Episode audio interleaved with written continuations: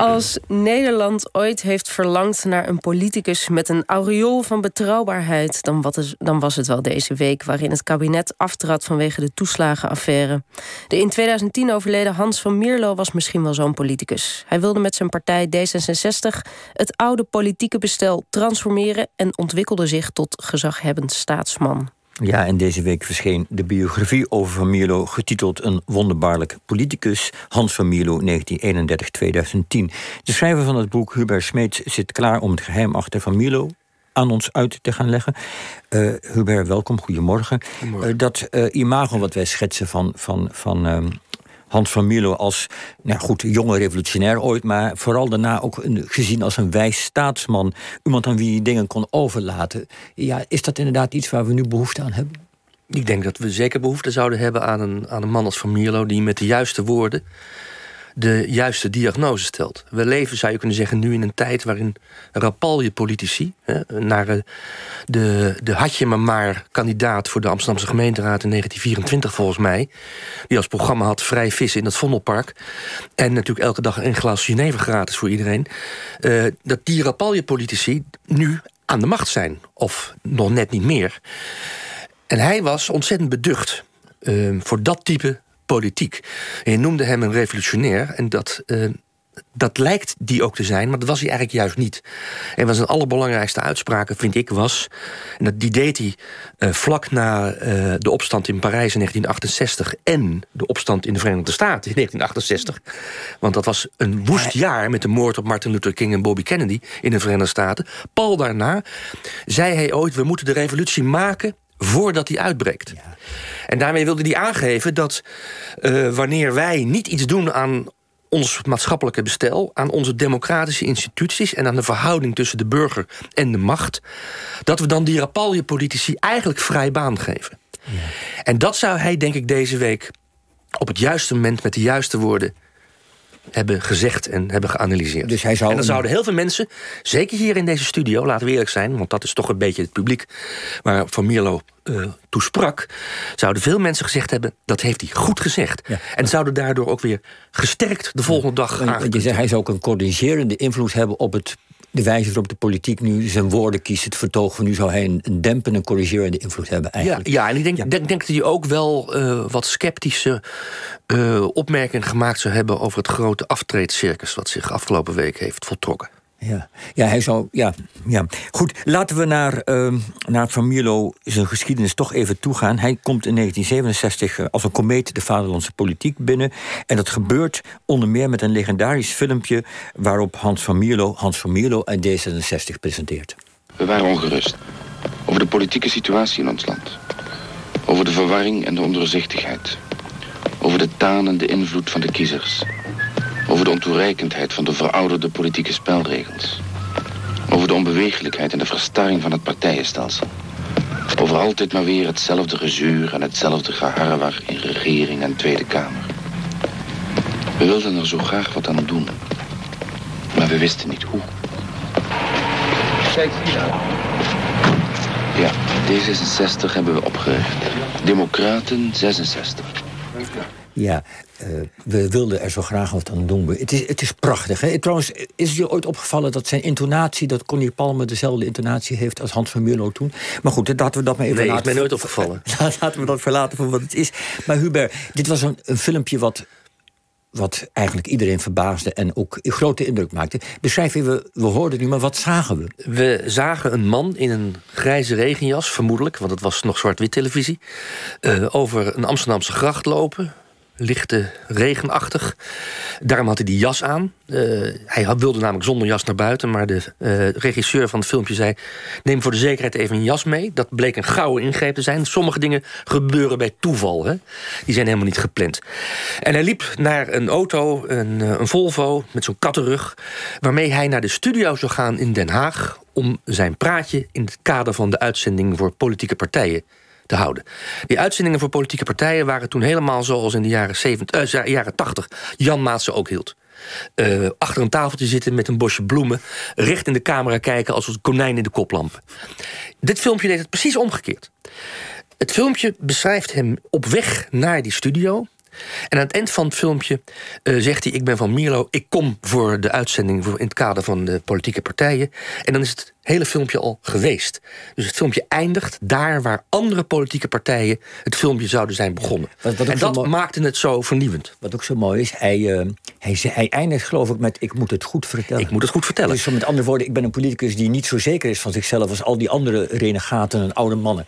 Uh, maar, maar het wordt altijd gedaan of dit heel spontaan was, maar dit was ook bedacht hè? De regisseur van dit filmpje was Leen Timp. Uh, echtgenote van Mies Bouwman... en een hele beroemde Nederlandse televisieregisseur... eigenlijk een van de pioniers van de Nederlandse televisie... Uh, die ook goed gekeken had naar de Verenigde Staten. Um, in 1960 uh, werd Kennedy, uh, niet die hier naast me zit, maar de andere, die werd uh, president van de Verenigde Staten omdat hij op de televisie het eerste televisiedebat met Richard Nixon had gewonnen. En dat, is, dat was voor D66-oprichters een heel belangrijk moment geweest. Pas later begrepen ze dat natuurlijk. De radioluisteraars van, de televisie, eh, van, van die verkiezingscampagne in 1960... die gaven Nixon het voordeel van de twijfel. En zeiden, dat is de man die dit debat gewonnen heeft. Maar de kijkers die hadden een zwetende Richard Nixon gezien... en een frisse jonge Kennedy. En dat beeld, eh, dat idee ook... dat televisie een essentiële factor zou worden... in de democratische politiek... dat werd door D66 heel erg opgenomen. Ze lieten zeer inspireren door de Verenigde Staten. Ook door het politieke systeem van de Verenigde Staten. Met een heldere, rechtstreeks gekozen uitvoerende macht, de president. En een heldere, rechtstreeks gekozen wetgevende macht, het congres. Uh, dat idee van een goede scheiding van de drie machten, ook de rechtelijke macht, dat was eigenlijk de basis voor het denken van D66. En dat moest in Nederland ook ontwikkeld worden. Want Nederland had en heeft, zoals bekend, eigenlijk helemaal geen heldere scheiding van machten. Wij doen alsof. Op papier wel, dacht ik toch? Ja. Nou, dat valt ook wel mee. De, de, de, regering is in Nederland medewetgever. Daarmee zie je al een vermenging van wetgevende en uitvoerende macht. Maar wij doen wel alsof het allemaal heel verlicht is en conform de regels van de, uh, de 19e eeuwse democratie. Maar dat was in Nederland niet zo, zeker toen niet. Omdat de verzuiling leidde tot achterkamertjespolitiek, om het even in het jargon te zeggen. Waarbij ehm, kabinetten konden worden geformeerd zonder dat er überhaupt maar een vraag gesteld was aan de burgers. Bijvoorbeeld zonder dat er verkiezingen werden gehouden... voordat er een kabinet werd geformeerd. Heb jij een verklaring voor dat enorme... Kijk, dat succes, nou ja, goed, kun je over twisten... maar hij komt met zeven zetels, komt D66 geloof ik de ah, dat, is, dat is nog nooit gebeurd. Dat is gigantisch. Tot, tot dat, dat moment in de, in de, in de... Heb jij een, mijn vader was een oud KVP'er. Een man die altijd braaf KVP stemde. Uh, praten we over de jaren, eh, eind jaren 60. En die heeft echt overwogen om, die werd geraakt door Van Mierlo. Terwijl die politieke afstand enorm was. Nee, helemaal niet. Uh, ja, nee, maar hoe heb jij een verklaring ervoor? Nee, ja, hoe kan dat? Nou ja, de, de, de, D66 was in een belangrijke mate een partij... die door katholieke burgers uh, werd gevormd. Van Mierlo was zeker niet de enige uit de katholieke burgerij... die aan de, aan de wieg stond van de partij. Heel veel uh, gruiters je zou kunnen zeggen, de ideoloog van D66 kwam ook uit Brabant, was ook katholiek. En dat is verklaarbaar, omdat um, juist die katholieke volkspartij die toen aan de macht was, niet meer in staat was om de ambities van de vrije burgerij, die zich had ontwikkeld in de jaren 50, jaren 60, om die ambities uh, te vervullen, zou je kunnen zeggen. De, de KVP was weliswaar een, een, een, min of meer seculiere, conventionele partij. Sorry voor, het, uh, voor de paradox in deze zin. Maar we hebben het over Van Mierlo, dan mag het. Um, maar uh, de KVP was in feite toch gewoon een instrument van de verzuiling. En die vrije burgers van de jaren 50, 60, die toen in de diensteneconomie, in de geprofessionaliseerde de verzorgingsstaat hun werk vonden... Die hadden behoefte aan een, aan een partij die hen niet beschouwde als onderdanen maar als staatsburgers. En dat was D66. En, en, dat was D66 en dat was Vermierlo. Zijn hele presentatie was... ik neem de burger, de kiezer, als nadenkend mens serieus. Serieus. En, en is, is dat, speelt dan, wat ik zo mooi vind uit je boek ook, hij blijkt, hij, hij wilde eigenlijk acteur worden. Hè? Hij was op de, laag, de middelbare school en op de universiteit was hij een verwoed uh, amateur toneelspeler. En de correspondenten van de Volkskrant en uh, het uh, Algemeen Handelsblad hebben ook zijn toneelstukken in Nijmegen welwillend besproken. Um, maar dat mocht, mocht eigenlijk niet van zijn ouders. Hij kwam uit een patriciërsmilieu in, in Breda. Zijn vader was een beetje een gemankeerde bankier.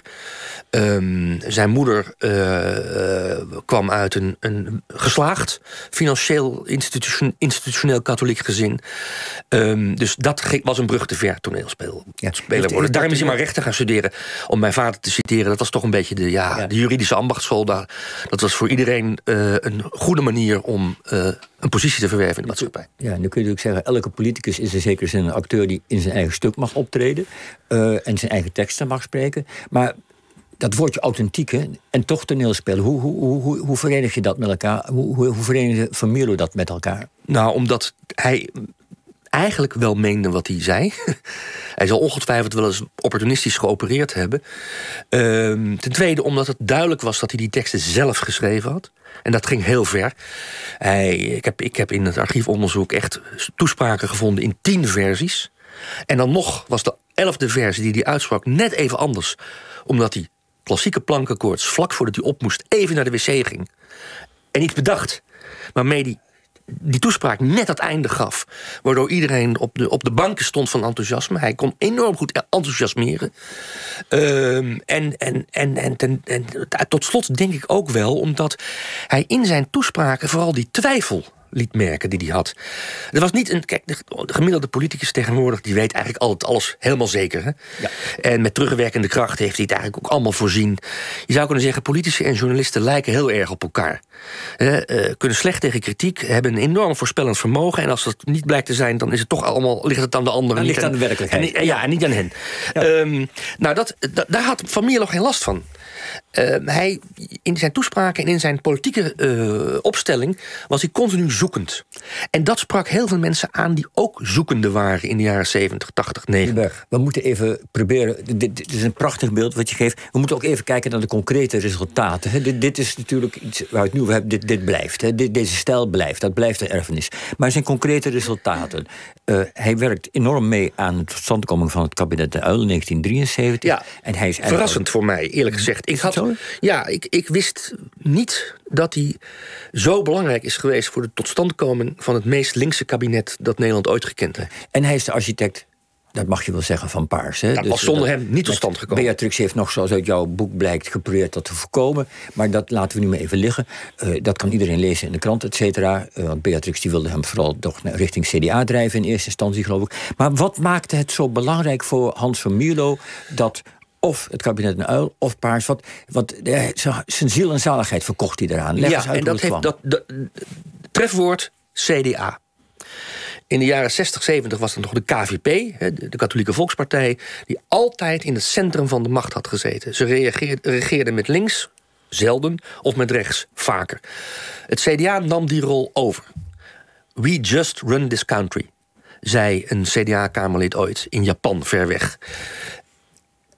Van Mierlo vond dat het CDA, de positie van het CDA in het centrum van de macht, in strijd was met, uh, ja, zou kunnen zeggen, met de helderheid die een democratie behoeft. En het bestrijden van het CDA als centraal element van de macht, dat was in 1973 uh, uh, de reden voor zijn felle werk aan het kabinet NL en 1994. Je zou kunnen zeggen zijn grote politieke machtsspel wat hij toen speelde poker op het allerhoogste niveau om te voorkomen dat de PvdA wederom met het CDA zou gaan regeren of dat de VVD, ook een winnaar van de verkiezingen van 1994, wederom met het CDA zou gaan regeren. Hij wilde het CDA uit het centrum van de macht en hij dacht, dat bleek een misverstand, dat wanneer je het CDA uit het centrum van de macht haalt, dan haal je ook de kern van het binnenwerk van de maatschappij, zoals hij dat noemde, weg. Dan kan je het onderwijs, de gezondheidszorg, dan kan je dat hele maatschappelijke middenveld, wat geregeerd werd vanuit het CDA kan je opnieuw vorm gaan geven en dan kan je de burgers beter bij betrekken. Dus het, je zou kunnen zeggen, het is een anticonfessionele uh, politieke drijfveer.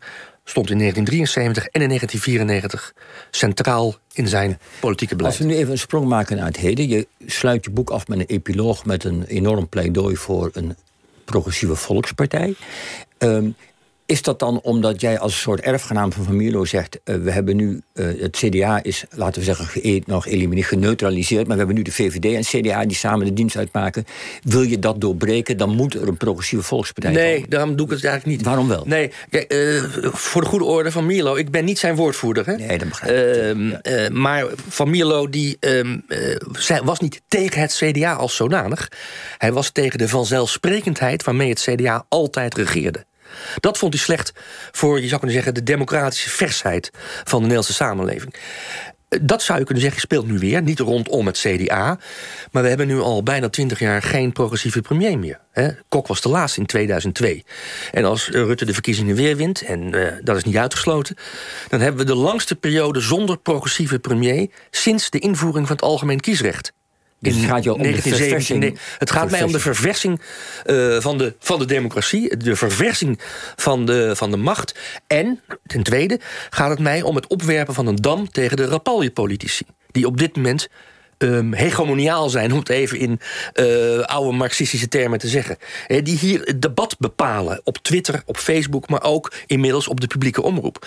En ik denk dat het van belang is dat die drie progressieve partijen, of misschien vier wanneer je de SP erbij optelt, dat die, die iets moeten gaan doen. Want als je nu kijkt naar de peilingen, dan halen die partijen een kwart tot een derde van de stemmen. Nou, gefeliciteerd. Daar kan je iets mee bereiken met een kwart tot een derde van de stemmen. Dat moet veranderen en daarom zouden ze samen moeten gaan werken, in mijn ogen. Hubert Smeets, bedankt. Je boek heet dus Een wonderbaarlijk politicus. En iedereen die het wil, gaat bestellen bij de plaatselijke boekhandel. Toch? Zeker. Die moeten we stimuleren. En dit was het eind